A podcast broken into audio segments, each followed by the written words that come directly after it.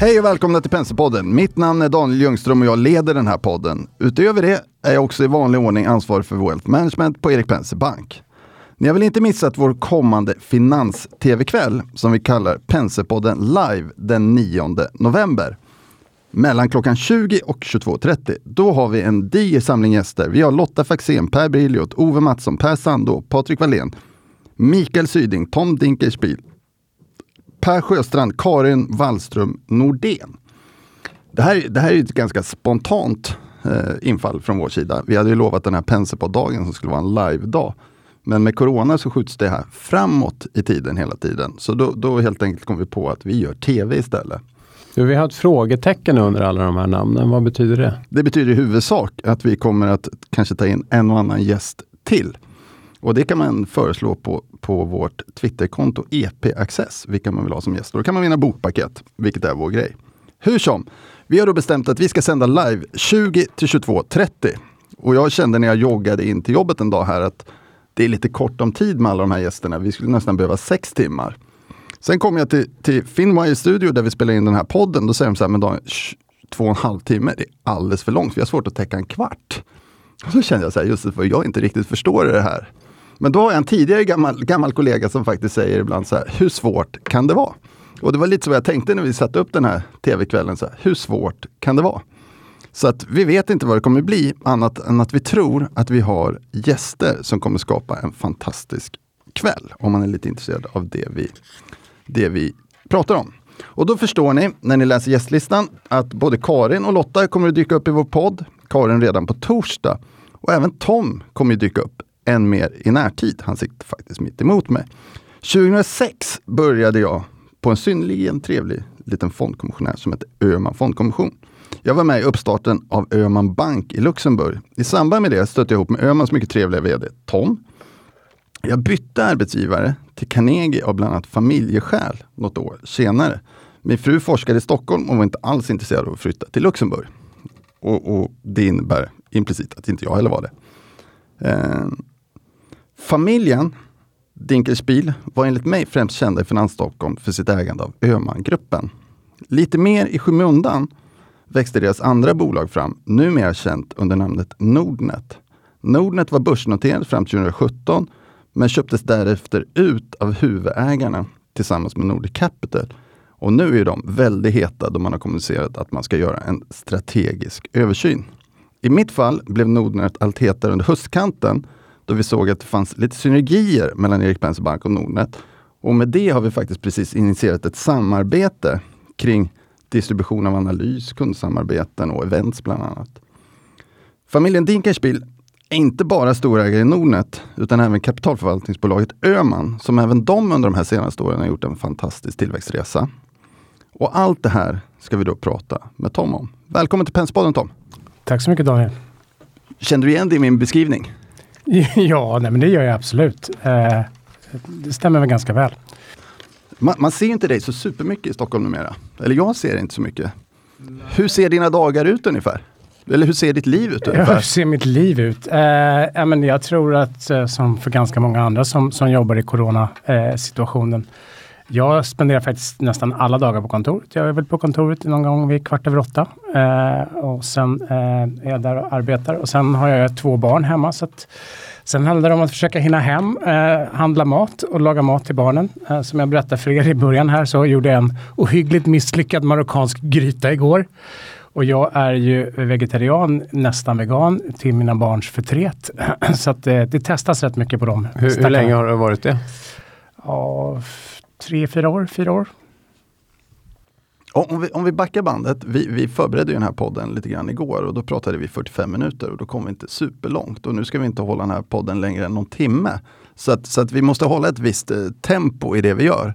Men, men för att liksom landa i nutid så, så måste vi backa bandet nästan 100 år i tiden. Och, och, och egentligen fråga hur, hur allt började. Hur, hur kom ni så att säga hur kom din familj i kontakt med Öhman Fondkommission? Eller vad det kunde heta vid det tillfället? Ja, då hette det Bankir Friman Öhman och ägdes av familjen Öhman, eh, grundat av Emrik Öhman 1906. Och sen behövde Emrik Öhman, han ville expandera så han ville handla aktier utomlands och då frågade han på den tiden sin husbank Wallenberg efter en, en person som kunde eh, handla utländska aktier.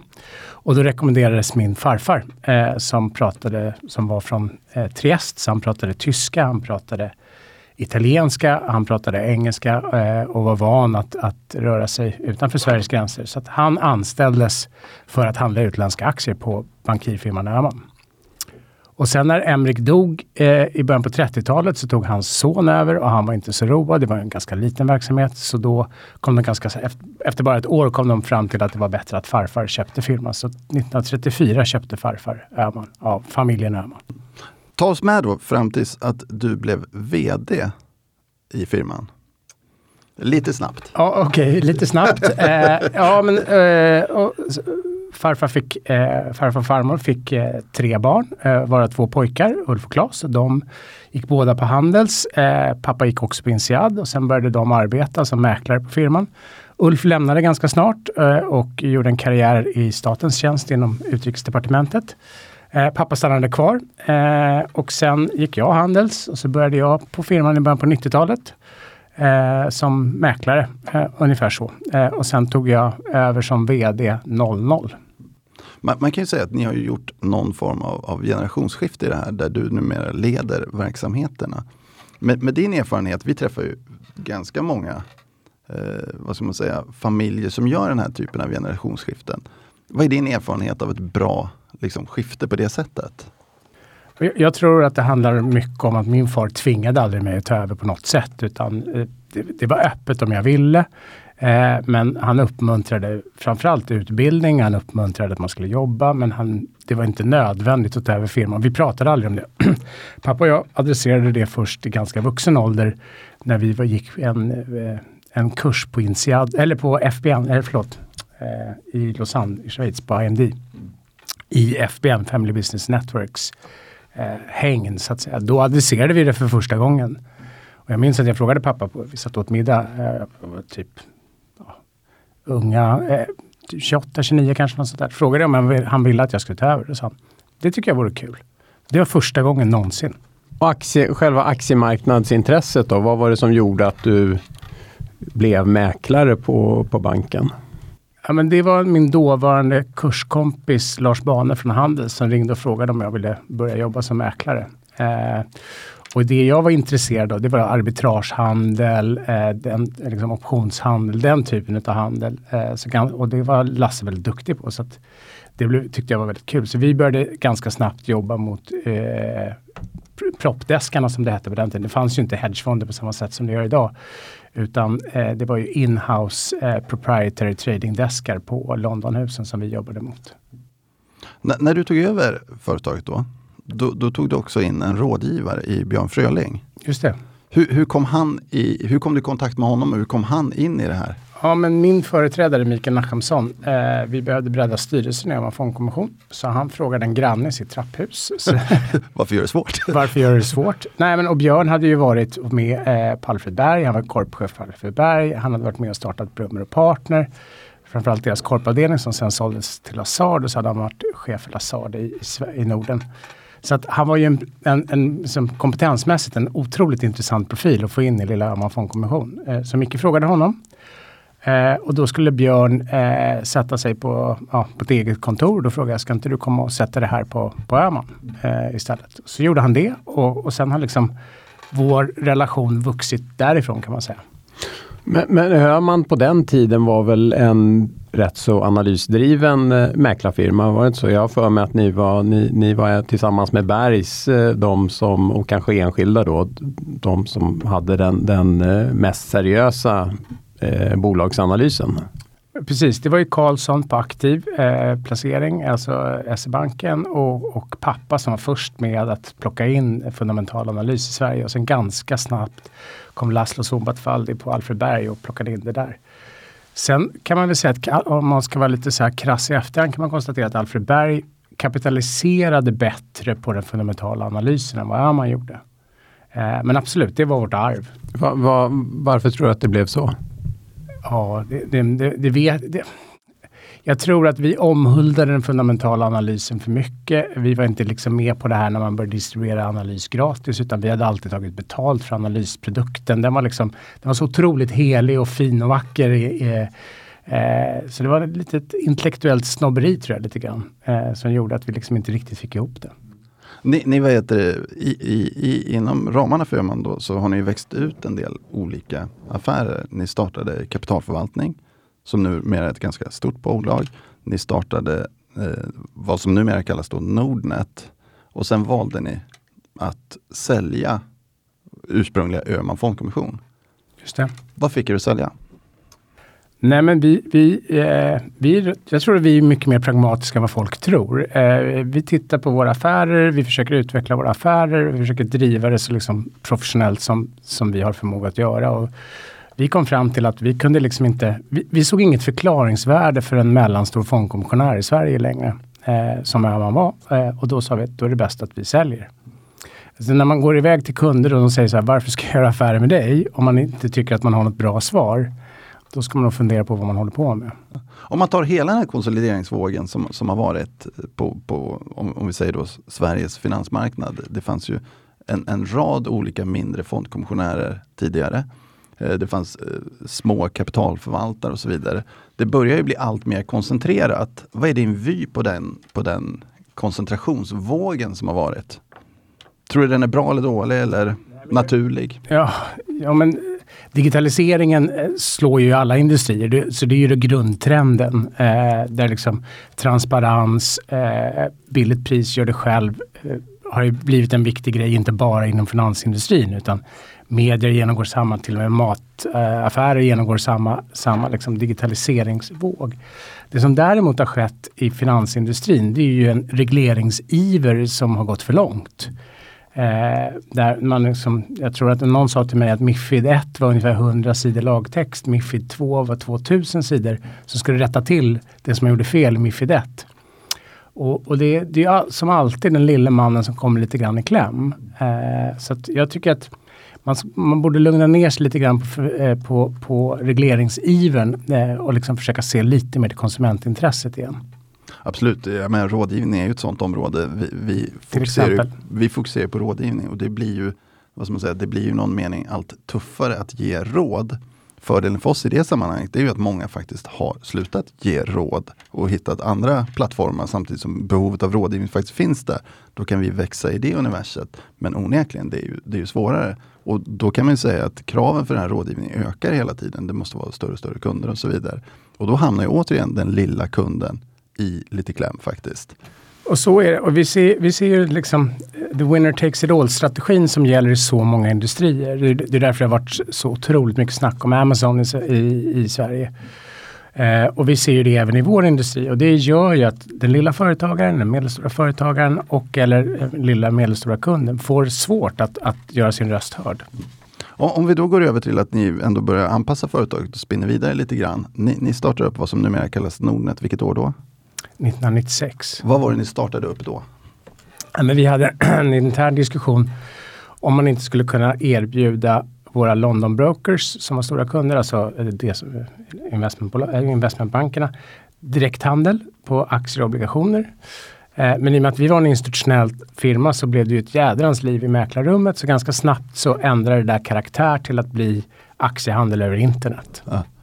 Och utan bankerna i London eller med bankerna ja, i London? Ja, men ganska, inte så långt. Jag kommer inte ihåg när Neonet startade, men de, de, de tog ju vår affärsmodell eh, och, och förverkligade den. Eh, och erbjöd precis det och vi valde privatkundsvägen. Mm. Men det var inte bara av analysskäl att vi tyckte att det var mer spännande. Det berodde ju också på att vi inte mötte på något motstånd internt. Mm. Vi, vi återkommer till det lite senare. Om vi tar fondbolaget lite grann. Ja. Det, det, det, det, får inte alls lika mycket uppmärksamhet som Nordnet, men jag tycker ändå det förtjänar ganska mycket uppmärksamhet. Jag vill ju minnas när jag var på Öman eh, 2006 att det var ett ganska litet eh, fondbolag. Eh, man, man, hade gjort en satsning på lite hedgefonder och så vidare som var aning tuff. Och jag tänkte väl någonstans att det där kommer faktiskt inte riktigt eh, flyga, om jag ska vara ärlig. Men det flög och det har ju flugit eh, jättemycket och ni har vuxit enormt mycket. Va, vad är det ni har gjort? Ja, men vi har gjort ett antal saker. Dels har vi så att säga eh, grävt där vi står eh, och liksom utvecklat vår kreditförvaltning, utvecklat vår, vår globalförvaltning som är de två bitarna där vi liksom har ett väldigt bra, eh där vi är starka stakeholders. Så det har vi gjort. Sen köpte vi ju DNBs svenska fondförvaltning eh, 2016, 17 något sånt. Eh, och, och sen har vi liksom sakta men säkert byggt sten för sten. Så idag förvaltar vi 100 miljarder i vårt fondbolag eh, och har bra tillväxt i affären.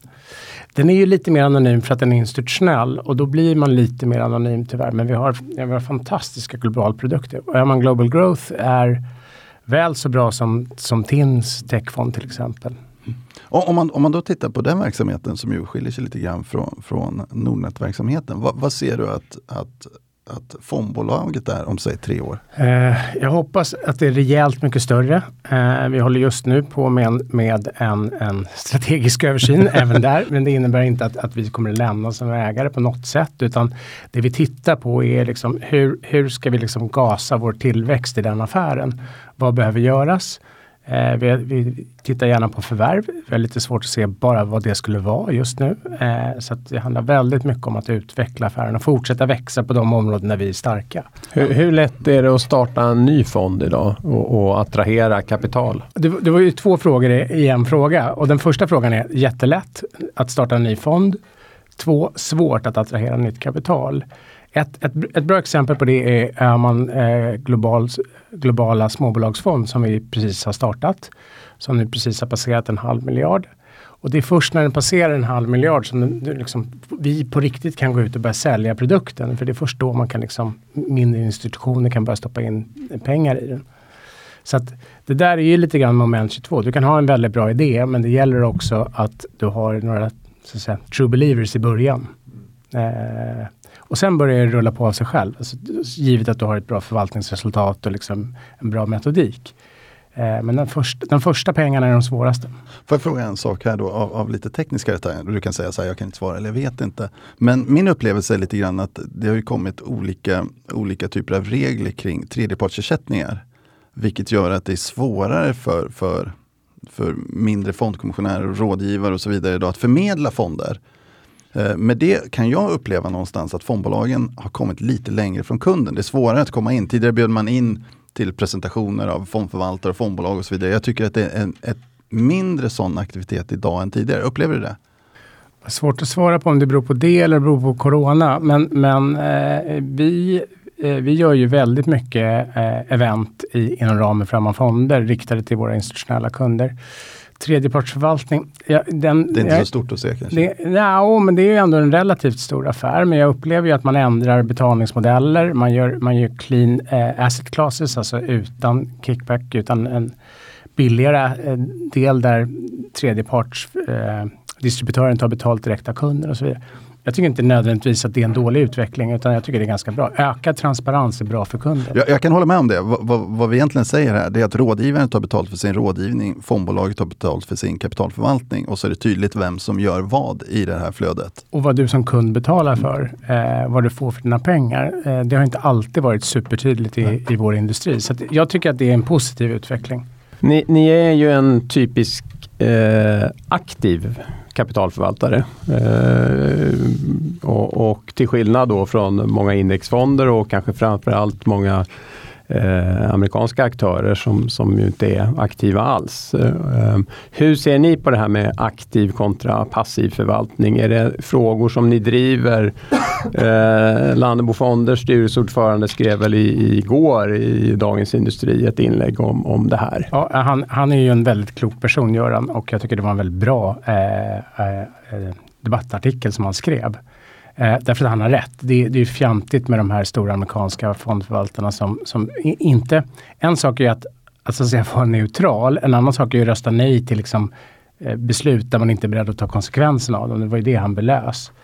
Vi är inte, sitter inte med i valberedningar. Eh, vi försöker vara aktiva på ESG-området och driva den typen av frågor. Och det har varit där vi har valt vår aktivitet och där är vi väldigt aktiva. Vi är med i i många eh, så att säga, upprop på, på ESG-sidan eh, och det ligger oss varmt om hjärtat. Och ni var väldigt tidiga in på det området också? Vi var väldigt tidiga in på det området. Alltså, vi har ju på med etiska fonder i över 20 år eh, och i början var det bara att man exkluderade vissa innehav eh, och nu är vi liksom med i, i påverkansforum på, på olika Eh, sätt. Jag menar, en fråga är till exempel vi är med och driver mot Amazon att, att eh, anställda inom Amazon ska vara fackligt anslutna av kollektivavtal och minimilön och så vidare.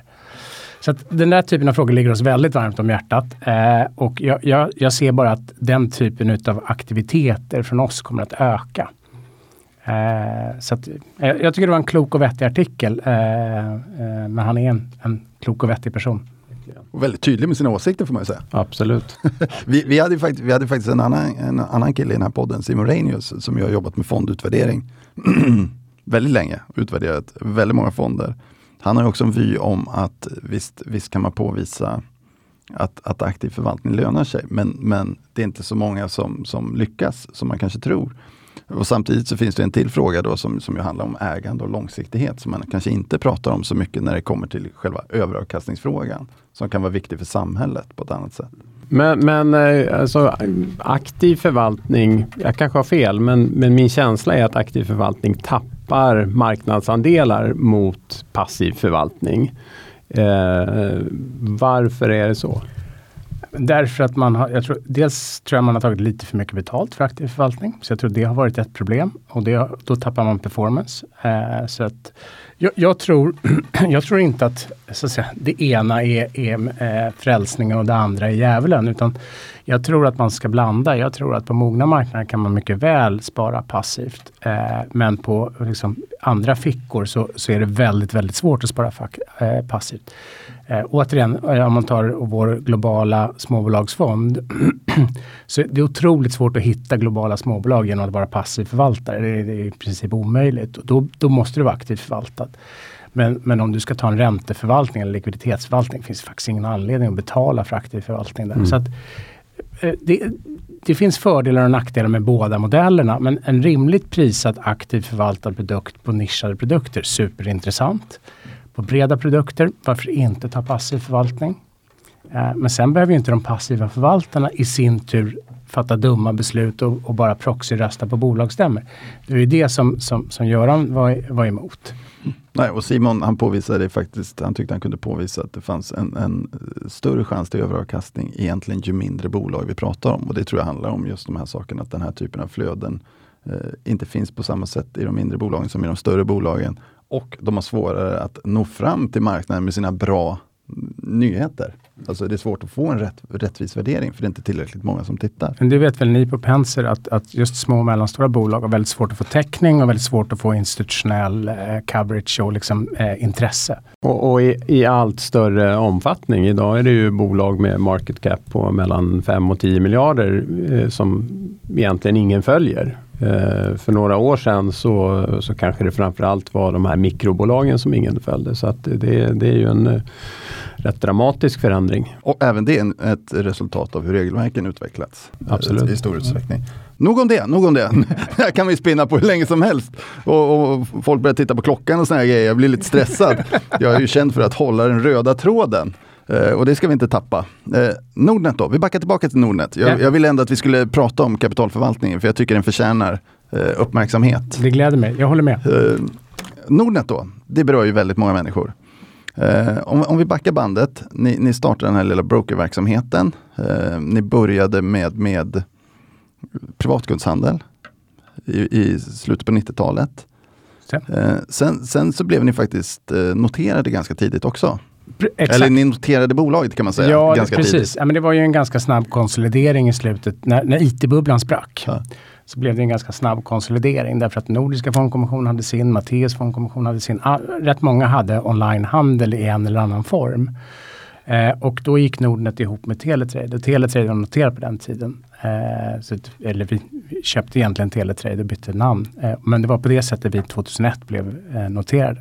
Vad trodde ni då att Nordnet skulle komma att bli? Men vi var, vi var eh, jag kan säga att vi var väldigt fokuserade på att Nordnet ändå kändes väldigt bra och väldigt intressant och spännande. Det var liksom, vi, var, vi kunde demokratisera sparandet, vi kunde erbjuda eh, privatkundshandel till, en väldigt, eh, konkurrenskraftigt, eh, till ett väldigt konkurrenskraftigt pris. Det, det kändes väldigt rätt. Så vi tog i princip all vår likviditet och stoppade in i en ny emission i Nordnet. Då. Så att säga, Öhman gick rätt långt ut på plankan för att hålla den här affären under armarna för vi, vi förlorade pengar. Och när blev det så att säga er huvudaffär? Ja, men det är mitten på 2000-talet kan man säga att det blev vår huvudaffär. Och, och då, då, kan man ju tänka sig, ni, det, hur många kunder har ni ungefär inom ramen för Nordnet? Ja, vi har väl över en miljon i alla fall. Va, vad är skälet till att man blir kund på Nordnet skulle du vilja säga? Ja, men man, är, man är intresserad av sitt sparande. Eh, man ser om sitt hus. Man tycker att det är viktigt att inte bara eh, så att säga, staten ska tillhandahålla en pension utan man, man, man vill ha en buffert eh, på ett eller annat sätt. Eh, man vill ha det till rätt pris därför man inser att om jag betalar för höga avgifter på mitt sparande så kommer inte ränta på ränta-effekten bli lika stor. Det är liksom den stora gratislunchen i vår industri. Eh, och, och, och man, man, tycker att aktier är lite spännande och intressant, eller fonder, att, att spara i. Hur, hur ska ni eh, behålla, ni och Avanza, det, det här försprånget som man ju ändå kan eh, se att ni har idag gentemot bankerna och kanske till och med öka försprånget? Ja, alltså, jag brukar säga att vi vaknar varje morgon eh, och frågar oss själva, alla 570 anställda på Nordnet, eh, frågar oss själva, hur kan vi se till att öka avkastningen för våra kunder? Kan vi hitta en bättre produkt? Kan vi hitta bättre prissätta fonder? Eh, kan vi erbjuda institutionella produkter till, till, våra kunder men paketera dem till, i privatkundsformat? för att, så att göra, ge kunderna en bättre spararupplevelse och ett bättre sparande. Om vi backar bandet då lite grann. Ni, ni köper ut Nordnet 2017 från börsen. Yep. Tillsammans med Nordic Capital. Hur kommer det sig att ni börjar samarbeta med Nordic Capital? Om, man bara tar, om vi bara börjar där. Eller hur hittade ja, ni Nordic Capital? Nej men det var Nordic Capital, eller rättare sagt Christian Frick på Nordic Capital som hittade mig några år tidigare. Jag drack kaffe och frågade om vi var intresserade av att göra någonting och då kände vi att vi inte var det. men, men ganska snabbt började vi titta på, liksom, vi, vi eh, upplevde att vi var lite underinvesterade eh, i Nordnet. Va, vad, betyder, vad betyder underinvesterad? Ja, men, det är ju så här, eh, som ett teknologidrivet bolag så behöver du ju ömsa skinn hela tiden. Eh, och vi gjorde inte det. Eh, utan vi liksom var fast i, i, eh, i vår gamla techplattform. Och vi behövde eh, liksom komma ikapp och bli lite modernare helt enkelt.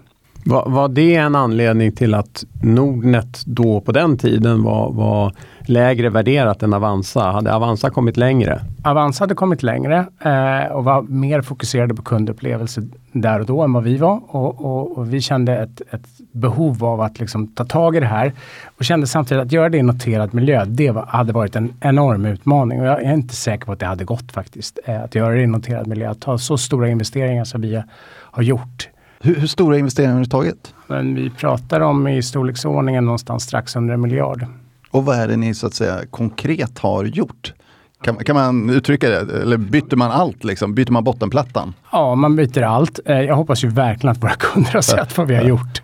Eh, vi har en state of the art app idag mm. och eh, lanseringshastigheten på uppdateringar på appen är vart nionde, var nionde dag kommer en uppdatering på vår app med nya features och nya eh, grejer. Och tar du bort buggfixar så tror jag fortfarande vi är på en lanseringstakt på var tolfte dag. Och det är liksom, eh, vi, var, vi var rätt långt ifrån det eh, 2017 när vi köpte ut bolaget. Hur, hur många jobbar konkret med, med, en sån sak som appen? Hur många sitter och programmerar och fixar och donar? Jag förstår att du inte kan exakt. Men om man det borde så... jag ju kunna svara på, men vi har väldigt många utvecklare ja. i alla fall. Det är ju by far den största avdelningen på, på, på Nordnet, det är ju techavdelningen. Eh, så att eh, vi, vi satsar väldigt mycket på det. Men på användarupplevelser, på att göra det enkelt, tillgängligt. Eh, man pratar väldigt mycket om att det ska vara så få klick som möjligt för att man ska hitta rätt och så vidare. Eh, så vi, vi, ägnar väldigt mycket tid och kraft åt att du som kund eh, ska få en väldigt tillgänglig eh, upplevelse. Och för att svara på din fråga där Robert, eh, om jag är orolig för att eh, som de traditionella bankerna ska komma ikapp så tror jag inte det. Därför att vi fokuserar vi och även Avanza. Men vi fokuserar bara på sparandeaffären. Det är det som är viktigt för oss. Vad, finns det något område som ni idag tittar specifikt på för att utveckla erbjudandet ytterligare? Det behöver inte kanske bli, bli superspecifikt där, men, men typ? Men vi har en önskelista som är, jag tror inte jag överdriver om jag säger att det är 200 punkter lång. Sen är det en fråga om, om prioriteringar och vad man kan göra först. Och, eh, så att säga, man måste titta på att det funkar med dagens regelverk, men man måste också titta på att det funkar med morgondagens regelverk. Så det, det gör att man kan inte göra allting här och nu. utan det blir en, eh, och sen måste vi fråga oss ständigt också, bara för att vi tycker att det är en bra idé är det, är det inte säkert att våra kunder tycker att det är en, en bra idé och att det tillför kundnytta. Så det, det måste igenom ett antal thresholds innan, innan vi så att säga börjar bygga och sen lansera. En sak jag kan tänka mig är positiv och det är ungefär det vi identifierar. Ni är ju en neutral part med många kunder. Ni förmedlar ju egentligen många andras sparprodukter på olika sätt och vis. Och även vi är en neutral part. Det gör ju att det är lätt att hitta samarbeten på olika sätt och vis. Är det en styrka ni har relativt eh, banker och annat? Ja, men det tror jag. Vi, vi är väldigt öppna för samarbeten. Eh, vi har gjort ett samarbete med, med Penser nu om att ta över ett antal kunder. Eh, som jag tror passar bättre i vår miljö och där vi båda är överens om att det, liksom, det blir en bättre kundupplevelse för kunden. Och, och, den typen av samarbeten tror jag bara kommer att öka. Eh, så att, absolut. Men sen tror jag också att vi, vi har en innovationskraft i bolaget. Vi lanserade en, en aktielåneprodukt där du, om du har en kapitalförsäkring så, så får du extra avkastning på dina pengar. Och det är ett typiskt exempel på en, på en produkt där vi har varit innovativa, vi har skapat mer avkastning för våra kunder det är liksom en, en, win-win. Eh, och den typen av liksom lösningar försöker vi hela tiden titta på om vi kan hitta. Ma marknadsför ni den produkten så att kunderna vet att eh, en gång i månaden eller en gång i kvartalet så trillar den här lilla överavkastningen in? Vi försöker prata om den i så många sammanhang. Som är, det är inte världens enklaste produkt att pedagogiskt prata om. Att vi lånar ut dina aktier och då får du ränta på de eh, aktierna som du äger. Eh, och det är pengar som, en avkastning som du aldrig hade fått annars. Det här är någonting som traditionella fonder har hållit på med hur länge som helst. Så det har varit en, en del av den institutionella marknaden som har funnits.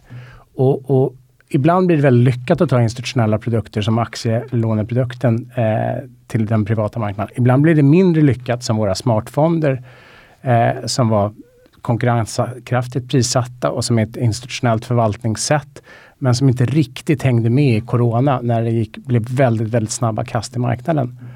Eh, och intentionen var väldigt god och, och, i en trendande marknad så är det fantastiska produkter. Men i en marknad som liksom gappar eh, så, så, funkar de inte riktigt. Ni har ju en, en, eh, ytterligare en sak som skiljer er från eh, Avanza till exempel. Det är ju att, att ni har en nordisk eh, närvaro. Um, hur, hur långt har de övriga nordiska marknaderna kommit eh, jämfört med Sverige? Sparandet är ju inte lika... Sverige är ju en väldigt sofistikerad miljö, ska man inte glömma bort ur ett internationellt perspektiv vad det gäller sparande. Och jag, jag, tror att det historiskt beror på att vi har haft en socialdemokratisk regering under många, många, många år som har lärt folk ett beteende att du ska belåna din villa och köpa aktier. Kan, det kan man ju diskutera om det är så att säga, sunt. Men så, det, så har skattesystemet lärt oss att, att, spara på aktiemarknaden. Och allemansfonder och allemansspar och så vidare. Mm. Man, man, man, kan ju tillägga, vi pratar lite samarbete, man kan ju tillägga också att, att de som lyssnar på den här podden kommer hitta mycket av vår analys på ett ganska schysst sätt på, på Nordnets sida. Nog om det. Ni, ni, ja, jag vill bara säga att det är tydligt. Det känns som Daniel går att gå vidare. Nej, inte Jag, jag känner, jag känner Thomas, Thomas signalerat att han ska gå på lunch. Jag, jag vill komma i mål också. Jag, jag, får faktiskt lite beröm ibland för att jag håller den röda tråden. Och, och, och i någon mening så, så, så, kan man ju säga att tiden springer väldigt lätt iväg när man gör de här sakerna. Och, och en grej som, som jag vill prata om dig och, och ditt din, era övriga investeringar också faktiskt innan vi, innan vi lämnar det här och din syn på marknaden. här, jag, jag gjorde en podd häromdagen där jag faktiskt glömde bort helt, helt och fullt att fråga om just den saken. Och sen hade intervju, intervjupersonen Simon Reino som han heter, ett stort ägande i Verlabs som, som har blivit väldigt hett just nu som han hittat tidigare. Det glömde jag också bort. För man blir lite ivrig mot slutet. Men en grej som har varit väldigt i fokus nu då, eh, för oss i branschen i alla fall, det är att ni gör även då en strategisk översyn när det kommer till Nordnet. Just det. Vad innebär då en strategisk översyn? För det gör ni även när det kommer till fondbolaget. Ja, eh, det innebär lite olika saker för de två olika bolagen. Men en strategisk översyn det innebär ju att, att Nordic Capital eh, tittar på... De, de äger ju inte sina förlåt, investeringar i all oändlighet. Utan ja. de kommer till en punkt där de säger så här, men nu har vi gjort ungefär det vi ska. Nu, nu tittar vi på om vi ska sälja en del av vårt innehav, om vi ska börsnotera, om vi ska gå ihop med någon, med någon annan. Det är vad strategisk översyn innebär. Liksom. Hur, hur ska fortsatt ägande i Nordnet se ut going forward? Och man kan bara konstatera att, att eh, de kommer på ett eller annat sätt under den närmaste liksom, året eller två åren eller tre åren att lämna och vi kommer att vara kvar. Och, och vad, vad, är, så att säga, vad är ditt scenario då? Om man, om man drar ut eh, kurvan några år. Vad, vad vill du att Nordnet är om fem år? More of the same till stor del. Eh, jag, jag, vill att vi är riktigt stora på både sparande men också på pensionssidan i, i hela den nordiska miljön.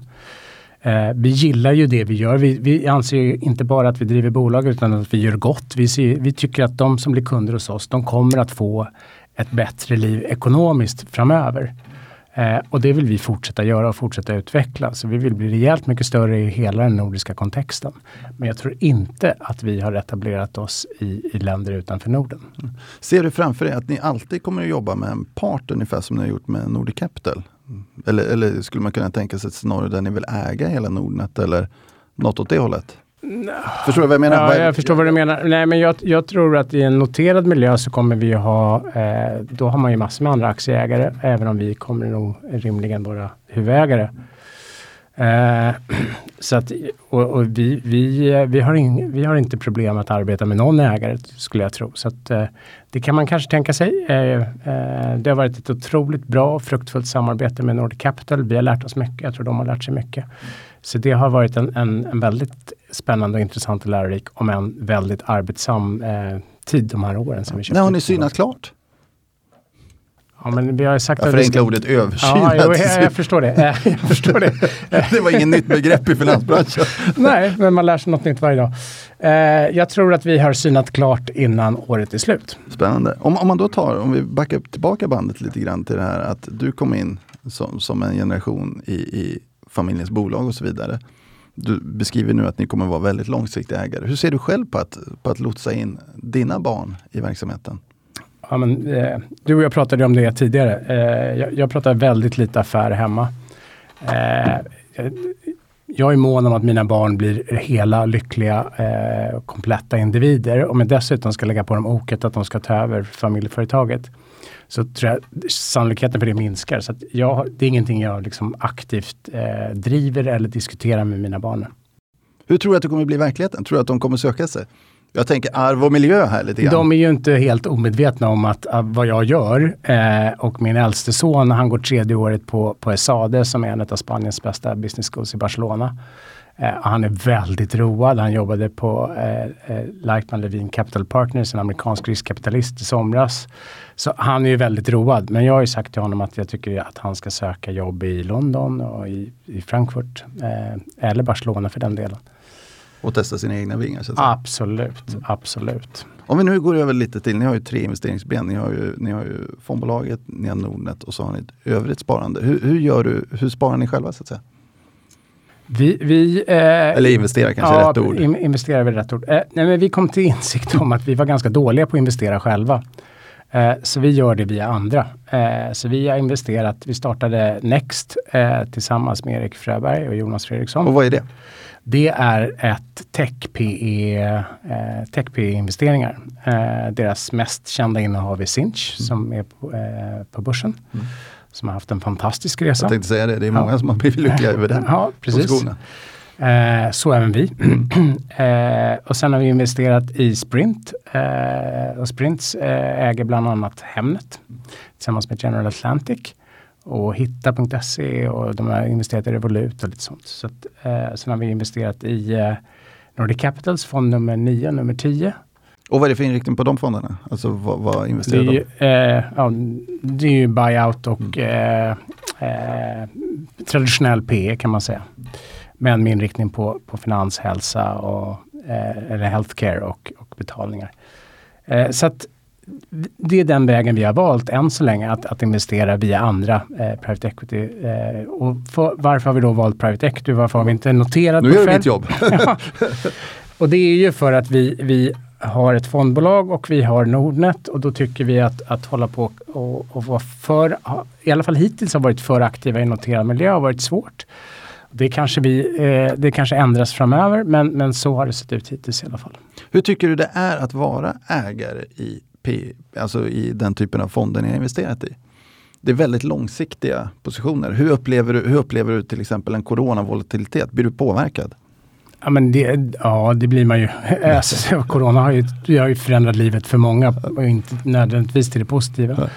Eh, men, och volatilitet, är klart man blir lite påverkad av det. Men, men vi är ju extremt långsiktiga. Jag brukar säga att det som skiljer oss och Nordic Capital mest som ägare, det är att de har en investeringshorisont på 5 till 7 år och vi har en investeringshorisont på 50 till 70 år. I övrigt är vi lite, ganska lika.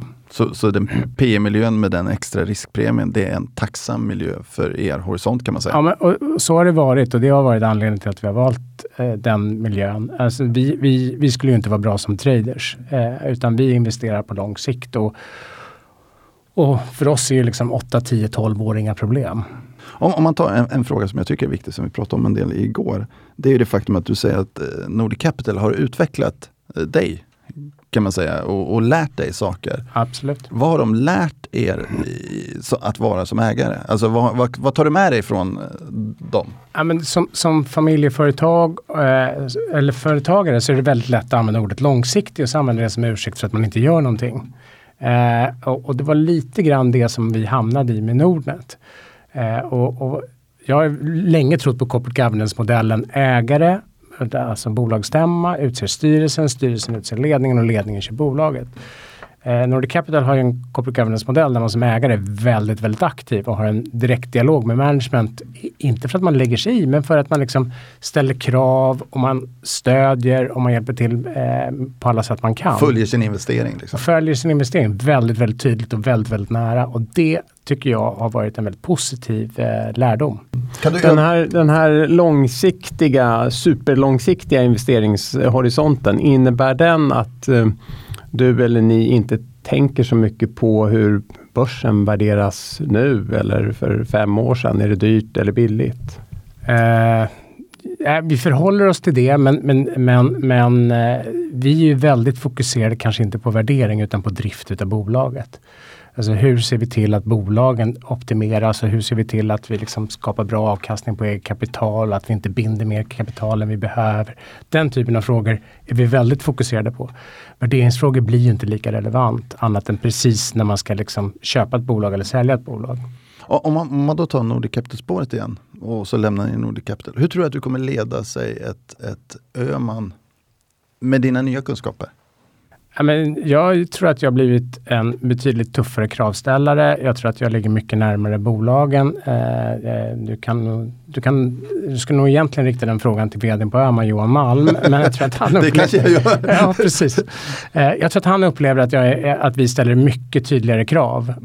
Och att jag är liksom i håret på honom på ett annat sätt vad det gäller, ja, nu har han inget hår, men så det var en konstig analogi. Men, men jag tror att han upplever att på ett positivt sätt att vi liksom försöker att driva affären eh, med, med, med, en högre intensitet. Hur tror han upplever det?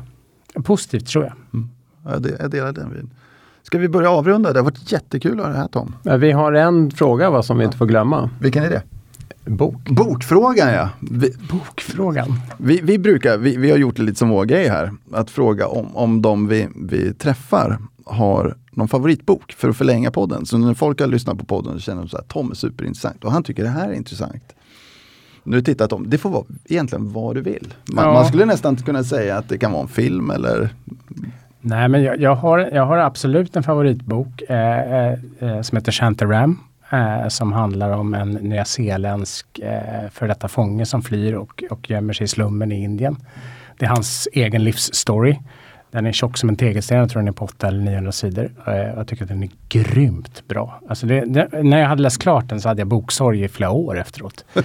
det kan faktiskt vara så. ja, eh, där man, allt man läser kändes blekt. Eh, jag, men, men, min hustru kom inte ens igenom boken så att, och hon läser mycket, mycket mer än vad jag gör. Så att, den faller inte alla på läppen men, men jag gillade den väldigt mycket. Då ska vi lägga till den på vår boklista. Mm.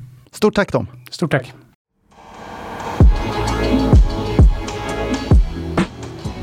Denna podcast är utgiven av Erik Penser Bank och är avsedd att marknadsföra bankens tjänster. Vissa bolag som nämns kan därmed ha något samarbete med banken i form av fondförvaltning, analystjänster, certified advisor-uppdrag med mera.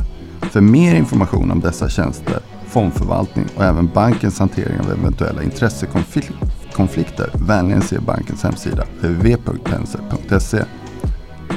Vänligen notera att investeringar i finansiella instrument, inklusive fonder, är förknippade med risk. Historisk avkastning är en garanti för framtida avkastning.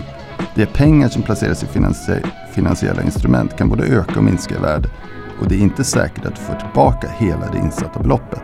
Ingen del av Penserpodden ska uppfattas som investeringsrekommendation. Informationen är heller inte att betrakta som investeringsrådgivning då den inte tar hänsyn till mottagarens specifika investeringsmål, ekonomisk situation eller kunskap. De uppfattningar som redogörs för i podcasten återspeglar de medverkandes uppfattning för tillfället och kan därmed ändras. Externa gäster i Penserpodden framför sina egna åsikter som kan avvika från bankens uppfattning. Banken frånsäger sig därmed allt ansvar för investeringsbeslut och för direkt eller indirekt förlust eller skada som grundar sig på mottagarens användande av informationen i podcasten.